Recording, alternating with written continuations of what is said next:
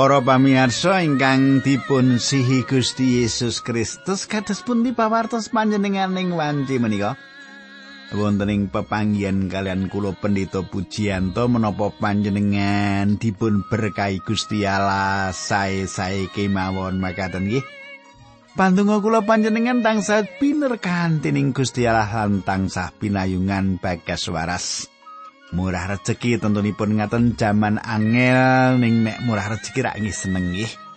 Nah para pamirsa kados padatan kula badhe ngancani panjenengan wonten ing tigang dosa menit menika inggih menika panjenengan kula dherekaken sinau kayektosan pangandikanipun Gusti Allah ayat mboko ayat pasal mboko pasal kitab mboko kitab samenika sampun dumugi kitab Esra. Kepengker kula sampun ngaturaken Isra bab pitu ngantos wolu samenika ngancik Isra songo. Nah para pamirsa sugeng midhangetaken adicara menika.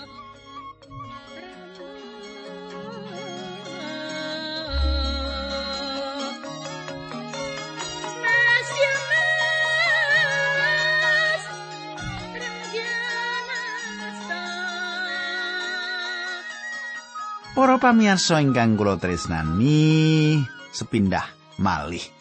Saben-saben kula pinanggih temtunipun ngringkes sapa sing diaturake duk nalika pepanggihan kepengker. Inggih ta? Sebatas menapa sebatas panjenengan kemutan apa sing tak aturake iki kelingan ngono ora muspro tanpa guna makaten nggih. Nah, kala kepengker. Kita sampun nyemak pilih rombongan bangsa Israel ingkang dipun pimpin Isra sampun wangsul saking pambujalan. Nah kita badhe lajengaken monggo kita tumungkul kita ndedonga langkung rumiyin. Kanjeng Rama ing swarga ingkang kawula sembah rinten kalian dalu wonten ing asmanipun Gusti kawula Yesus Kristus. Kawula ngaturaken gunging panuwun menawi wekdal menika kawula saged tetunggilan kalian sedherek-sedherek kawula wonten ing adicara margi utami menika. Kawula nyuwun sinten kemawon ingkang nembe gabung nembe mirengaken menika supados paduka berkahi lan ingkang sampun dangu setya tuhu midhangetaken adicara menika supados paduka ugi pitulungi paduka ugi berkahi. Linambaran asmanipun Gusti Yesus nyuwun jebatan Sang Roh Suci kangge sedherek kawula menika lan abdi paduka haleluya amin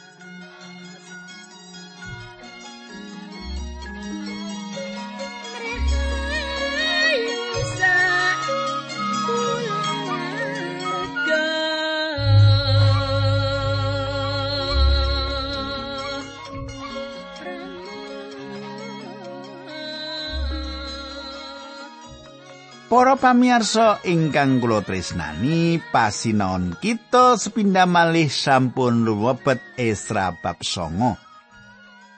Mangke badhe kula waos ayat mboko ayat lan panjenengan semak kula badhe nerangaken ayat mboko ayat menika. Nanging menawi wonten ingkang boten perlu kita rembak kita lewati kemawon. Ngaten nggih? Setuju? Nah kula waos ayat setunggal ing basa pertinan Sawise lelakon kuwi mau para panggedhi nuli nekani aku padha kondo mengkene. Umat Israel para imam lan tiang lewi mergi nglampahi pendamel nista tumindaipun sami kalian tiang-tiang ing tanah ngriki kados to tiang Het, tiang Feres, tiang Jebus, tiang Amon, tiang Moab, tiang Mesir, tuwin tiang Amiri, kulo sigek sementara rumiyin. Kadang kula ingkang kula tresnani, Panjenan katasaken bilih tiang Mesir dipun sebataken lan ugi bangsa-bangsa kafir sanesipun.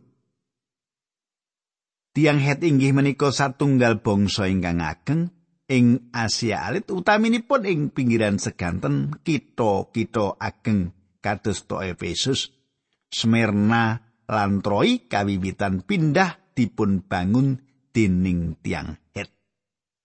Ida Efesus Mirna Troy menika dipun bangun dening bangsa Het.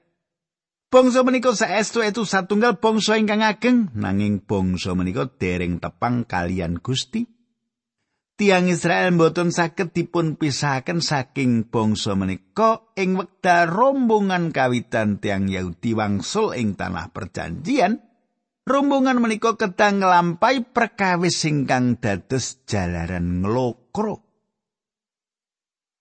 kita badhe nyemak kados pundi Esra mitulungi rombongan menika merantasi pambengan ingkang jalaring nglokro ing ngajengipun rombongan menika Rombongan menika ngadepi pambengan-pambengan lan kanthi bantuanipun Hagai tundonipun saged merantasi pambengan menika. Kanthi pitulunganipun Nehemia, tiang-tiang limbra ingkang sregep tembok lan pedal man Allah ing Yerusalem dipun bangun malih. Nanging wonten pambengan ing saben menapa ingkang dipun tindakaken malah ing wekdal kados mekaten menika panjenengan saged rumaos tuwa inggih menika asring dumados ing salebetipun tiang-tiang Kristen. Ngadepi permasalahan-permasalahan gelo nggih. Gelo terus ranyang gereja gitu mutung ma tahun-tahun ranyang gereja penak wae gitu nah nek panjenengan tentunipun boten nah para pamirsa wonten tiang-tiang ingkang sanjang pilih menawi tiang lokro pramila nglokro menika dados gaman pungkasaning iblis. Tiang Yahudi leno lan nindakaken neningkan campur kalian tiang-tiang ing sakiwa tengenipun ingkang boten tepang kalian Gusti Allah lan dados mengsah mengsaipun Allah lan Israel. Patra pingkang kados makaten menika dados margi tiang-tiang kafir menika nindakaken piawon. Kirangipun nebih saking bangsa ing sakiwa tengenipun andadosaken bangsa menika kejlomprong ing patrap tanpa paugeran. lan manembah dumateng Brahala. Ing sawetawis perkawis kula gadah pikiran bangsa Israel mboten malangi pambudidaya ningkah kalian tiang kafir ing jaman semanten. Menika pikiran kula, jarno wae arep nikah karo sapa terserah ngeten nggih. Ayat kali. Sami mendet semah tiang-tiang setri saking bangsa-bangsa wau sarta ugi kangge anak-anakipun Mila wiji ingkang suci campur kalian para bangsa ing tanah ngriki malah ingkang miwiti nglampahi nerak mekaten menika para pengageng lan para pemimpin kadang kula. Malah para pemimpin gadah patrap ingkang kados makaten. Nyontoni sing ora bener. Para pemimpin menika lepatipun langkung ageng awit. Kalengganipun ngagengaken tanggal jawab. Ane kalenggane pemimpin ya gedhe tanggung jawabe beda karo pujianto. Sing mung wong biasa tanggung jawabe ya sithik. Ya nek ngoten Siso tiang Israel ingkang wangsul wonten ing kahanan ingkang mrihatosaken lan najis. Wonten sawetawis perkawis ingkang dipun tindakaken Israel ing salebetipun kahanan ingkang kados makaten menika. Piyambakipun saged kemawon damel program ngiyataken tresnani wutah getih patriotisme. Ngerek gendera Israel mamiraken gendera lintang Daud ngawontenaken pawe ageng gegayutan kalian resnani wutah getih nanging Esra mboten nindakaken. Kados makaten menika. Pun saged kemawon. Mbibari neningkan campur lan patrap tanpa paugeran lan pangibadah datang brahala kanikut bah saged kemawon. Nanging Esra ugi mboten nindakaken prakawis menika. Utai Esra sakit kemawon nindakaken kanthi cara ingkang sanes. Esra sakit kemawon bangun satunggal organisasi lan cawe-cawe ing salebetipun pambudidaya mulihaken para pasangan ingkang sampun nindakaken patrap tanpa paugeran menika. Inggih menika ingkang kita tindakaken jaman menika to. Nanging Esra boten biasa kesanggina akan gaya modern ingkang kulino kita tindakaken ing wekdal menika. Para pamirsa kita lajengaken ayat 3. Bareng krungu mangkono mau, aku banjur nyuwek kelambi kurang kepan lan jubahku sarta njabuti rambutku lan jenggotku karo ndeprok lan delek-delek saka sedihku. Para pamirsa, hemut. Esra mboten tumugi ing tanah kelairanipun ngantos pitung puluh lima taun sasampunipun rombongan kawitan ingkang gunggungipun seket ewu tiang ingkang dipun pimpin dening Zerobabel. Ewedal Esra tumugi kalian rombonganipun gunggungipun kalih ewu tiang piyambakipun manggihaken pilih pedalaman alas sampun dipun bangun malih nanging tembok kita dereng ngadeg. lan pendudukipun wonten ing kanan ingkang mrihatosaken lan najis. Penduduk menika sampun nindakaken ningkah campur kalian tiang kafir. Patra pingkang tanpa paugeran lan manembah braula menika sampun sumebar lan waroto. Tiang-tiang menika kirang batesi lan tiang Yahudi wonten ing kahanan ingkang gegirisi lan gesang wonten ing salebetipun dosa. Ing wekdal sedaya perkawis menika dados kawigatosan Esra lan Esra ningali kasunyatan ingkang sayektosipun piyambakipun saestu-estu cuwa ing manah awit umat Allah mundur ngantos kados makaten. Para pamirsa, jaman samenika kita ngrembak gegayutan anggenipun murtad gereja. gereja iso murtad gitu. Gampil sanget kangenipun kula lan panjenengan dakwa babagan ingkang lepat nanging panjenengan gatosaken ingkang dipun tindakaken Isra. Piyambakipun boten saged kompromi kalian dosa umat ngantos piyambakipun nyuwek jubahipun lan nyukur rambutipun. Esra boten kok malah wiwit ngutbahi bangsanipun. Kados ingkang limrah dipun tindakaken kathah tiyang ing jaman menika nggih panjenengan gatosaken menapa ingkang dipun tindakaken Esra salajengipun. Ayat sekawan. Para wong sing padha ndredeg marga wedi karo pangandikane Allah krana dosa sing dilakoni wong-wong sing padha bali saka pembuangan, padha nglumpuk ana ing ngarepku aku isi tetep ndeprok delek-delek saka sedihku nganti tekan wayahe saus kurban sore. Cobi panjenengan semak tembung para wong sing padha ndredeg marga wedi karo pangandikane Allah. Kulo remen remen lelampan menika. Sepinten kataipun tiang ingkang saestu-estu nindakaken pangandikane Gusti Allah kanthi tumemen. Kata tiang ingkang sanjang menawi piyambakipun remen dumateng pangandikanipun Gusti Allah. Tiang-tiang menika gadah buku catatan kanthi ayat-ayat ingkang sampun dipun tandani kangge mbuktekaken nanging Nanging perkawis ingkang dados kawigatosan inggih menika gesangipun tiang-tiang menika cacat lan najis lan tiang-tiang menika ngejaraken kemawon. Ana wong najis, ana wong cacat jarno wae. Tiang-tiang menika sanjang menawi pitados dumateng pangandikanipun Gusti Allah nanging boten ketinggal wonten ing patrap gesangipun bab menapa kemawon. Tiang-tiang menika boten gumeter ngadepi wucaran kitab suci. kados manungsa ingkang asipat kadonyan Gusti Allah menika katresnan. Lan panci panjenenganipun menika kados makaten sanget ngremenaken mangertos bilih Gusti Allah menika tresno. Nanging panjenenganipun langkung saking menika Gusti Allah kita menika Gusti Allah ingkang suci. Panjenenganipun badhe paring paukuman dumateng dosa lan inggih menika perkawis ingkang mana Esra.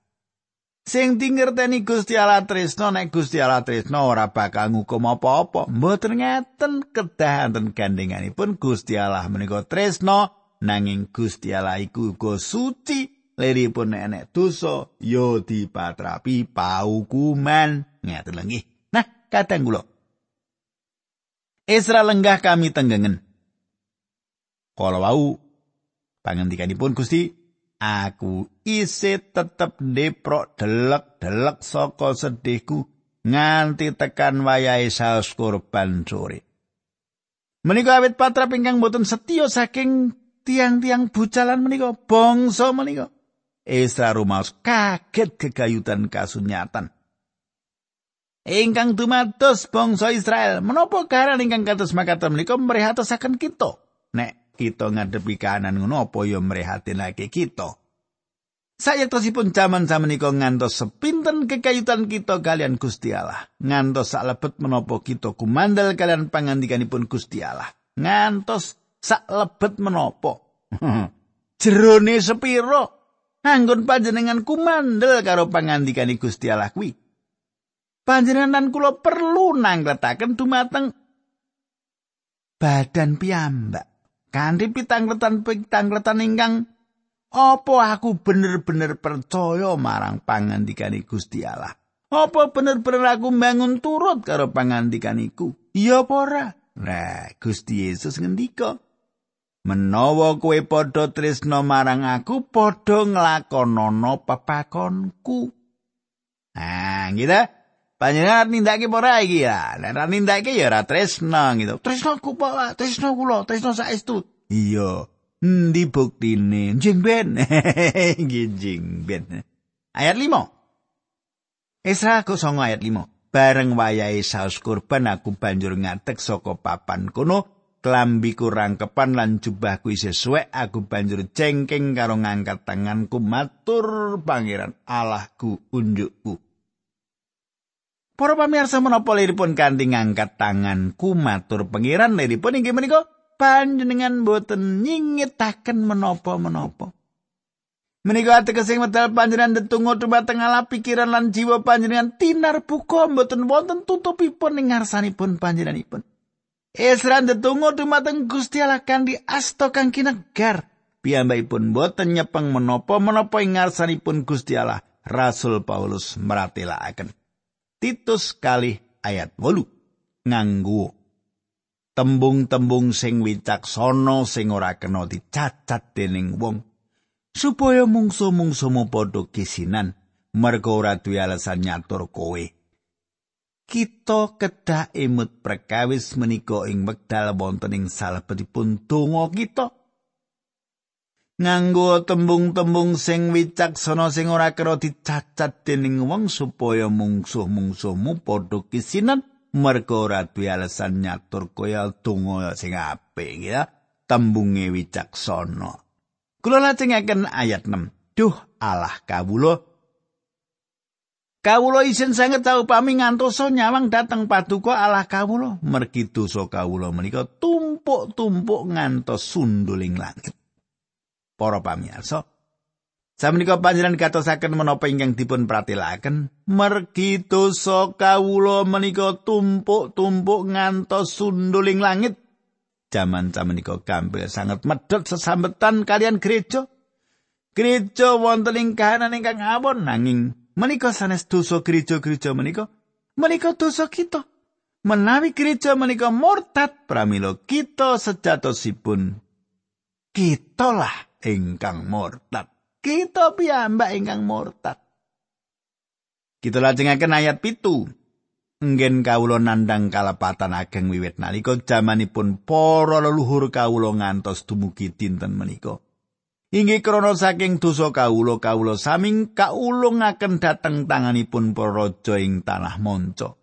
Inggih kawula saha para raja kawula saha para imam kawula sami dipun pejahi srana pedhang, dipun bucal ing negari monco, dipun jarah rayah ngantos sami nandhang wirang. Inggih kados makaten kawontenan kula ing dinten menika. Kadang kula ingkang kula tresani menika satunggalipun donga ingkang ageng. Isra mangertos menapa toleripun dados warga ing papan pambucalan ing satunggalipun negari moncok Piyambakipun malah dipun lairaken ing papan pambucalan utawi dipun tawan ing wekdal tasih alit. Piyambakipun mangertos menapa toleripun perkawis menika.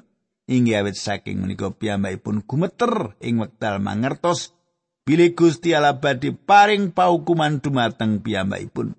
Gusti Allah kita inggih menika Gusti Allah ingkang suci lan panjenenganipun paring paukuman atas dosa. Eman sanget. Kata-kata ing antawisipun kita mboten rumas ajri lan gemeter ngadepi pangandikanipun Gusti Allah. Malah nek dikutbahi ngantuk are Pak. gitu. Ayat 8. Samenika nembe kemawon kawula sami ngalami sih kamirahanipun pengiran Allah kawula.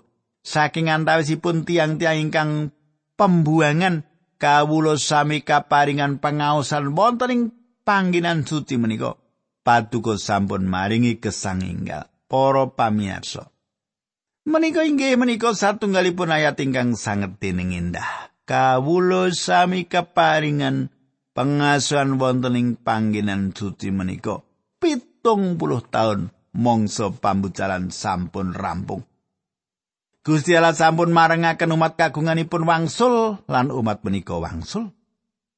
Esra sanjang kula sami tiang-tiang ingkang wilujeng tiang-tiang Yahudi menika cekap setya lan wangsul dhateng tanahipun saperangan ageng bangsa Yahudi mboten wangsul dhateng tanahipun ingkang wangsul namung sekedhik kaparingan pangasoan wonten ing panggenan suci menika menapa panjenengan mangertos kenging menapa? Awit kula mapan lan dipun salib ing mriku. Sang Kristus dipun salib ing kajeng salib ing mriku supados. Kula saged manunggaling damparing Allah selami-laminipun. Yesaya kali likur ayat rolikur ngantos tiga likur. Wong kuwi bakal ndak dadake panguwasa ning kratoning Daud lan ndak pasrai panguwasa gedhe apa sing diputus ora ana sing bisa mbatalake. Aku bakal netepake kalenggahani kaya pako ning papan sing sentosa sarta keluargane kabeh bakal kinurmatan. Para pamiyasa dadi tiang-tiang pitados, dados tiang-tiang pitados manggen wonten ing mriku mboten ing kajeng salib, nanging wonten ing swarga kangge selaminipun. Panjenengan tingali wonten pakunan ceping papan ingkang kiat saestu satunggal gegambaran ingkang indah. Tiang Yahudi mboten kecalan kawilujenganipun nanging ingkang mesti bangsa Yahudi kecalan kathah perkawis sanes kalebet perkaipun Gusti lan ganjaranipun kathah ing antasipun kita sampun milujeng Ing wekdal menika nanging bangsa Yahudi mboten nampeni ganjaran babar pindah. Salajengipun satemah mripat kawula sami kadadosaken padang dening Gusti Allah sarta kawula sami keparingan lega sekedhik ing salebetipun pangawulan kawula. Para pamirsa, manut kula menika satunggal gambaran ingkang sayektosipun saking kebangunan rohani. Istilah kebangunan rohani sayektosipun sanes istilah kitab suci. Kula tansah ginakaken istilah menika ing salebetipun makna ingkang ateges gumregahipun kasukman ingkang dipun tindakaken para tiang ingkang mertobat secara umum lan tiang-tiang menika kadudut manahipun ing perkawis-perkawis ingkang saking Sang Roh. Liripun kebangunan rohani inggih menika mulihaken gesang utawi mulihaken pangwaos wangsul dateng kesadaran. Istilah menika kalandhesi satunggalipun perkawis ingkang gesang selajengipun surut ngantos meh pecah. Mboten gadah kekiatan lan selajengipun gesang malih Rom kawan ayat songo meratilaken kegayutan wungunipun Sang Kristus. Sang Kristus sedo sarta wungu meneh. Cetha tembung kebangenan rohani kedadipun watesi kangge tiang pitados kemawon. Istilah menika ateges pilih tiang pitados wonten ing kahanan kasukman ingkang asor lan dipun tuntun malih dumateng kegiatan lan pangwaos.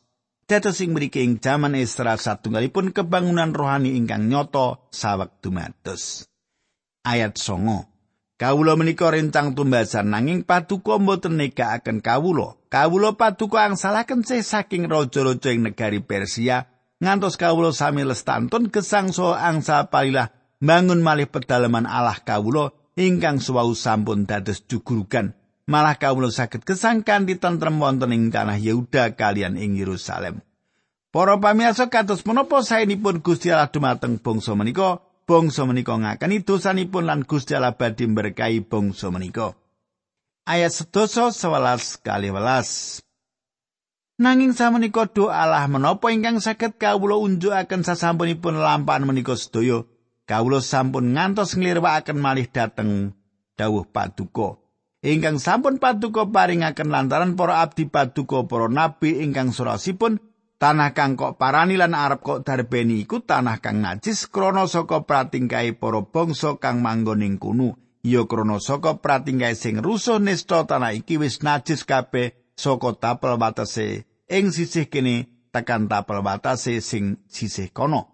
Ayat 12. Kawula sami dipun weling supados sampun ngantos nyukaaken anak-anak kawula istri dhateng anakipun jaler bangsa menika lan sampun ngantos mendet anak istrinipun kaangsalaken anak jaler kawula maka tenugi kawula sampun ngantos ngangkah piyambakipun angsa kabejan lan katentremaning selami-laminipun. Menika sedaya supados kawula dados rasa sarta pamedalipun siti ingkang sae sarta marisaken siti menika dhateng anak putu kawula langgeng ing selaminipun. Kawula sampun kedatengan samukae sedaya ingkang mergi saking piyawon saha kalepatan kawula ingkang ageng paukuman paduka duh Allah kawula mboten ngantos ngimbangi awratipun dosa kawula malah kawula tasih sami paduka paringi kanca semanten kataipun Para pamirsa kan ditembung sanes sestra sanjang kula sami mboten nampa ini sedaya ingkang dateng dumateng kula sami kula sami pantes nampeni langkung kathah paukuman atas dosa-dosa kula sami ketimbang menapa ingkang ketah kawula tampi. Ayat 18 lan gang 11. Menapa kawula lajeng sami badhe nerak dawuh paduka malih srana bebesanan kalian para bangsa ingkang lampahi punawon menika? Menawi makaten kawula mesti sami paduka hukum ngantos tumpes lapis ngantos mboten wonten ingkang kantun satunggal-tunggal ingkang oncat. Dua pangeran alaipun Israel paduka menika adil awet kawula ingkang sami kantun menika tasih paduka parengaken gesang kados kawontenan kawula semangke semangke kawula sami marak sowan ing ngarsa paduka kalan ngakeni kalepatan kawula kawula estunipun boten pantes sowan ing ngarsa paduka Para pamirsa namung sih kawelasan Gusti Allah pengaken dosa pangorbanan Sang Kristus lan siramatipun Gusti Allah ingkang dados margining panjenenganipun milu jengaken tiang-tiang menika mulihaken lan gesangaken bangsa menika malih. Gusti Allah badhe nindakaken sedaya perkawis menika awet donga Isra. Sisa tiang Isra ingkang wonten ing mriku badhe nyuwun sih kawelasan Gusti Allah. Ing wekdal kita nyuwun dumateng panjenenganipun Gusti cemawis ngatosaken. Para pamirsa monggo kita tumungkul kita ndedonga. Dukane Rama ing swarga kawula ngaturaken gunging panuwun menawi wekdal menika kawula sampun midhangetaken sabda pangandikan paduka saha katerangan-kateranganipun kawula ndonga supados paduka sucikaken paduka leresaken kanthi Sang Roh Suci paduka ing manah lan pikiran jedrek kawula menika. Linambaran asmanipun Gusti Yesus Kristus kawula tunggu haleluya. Amin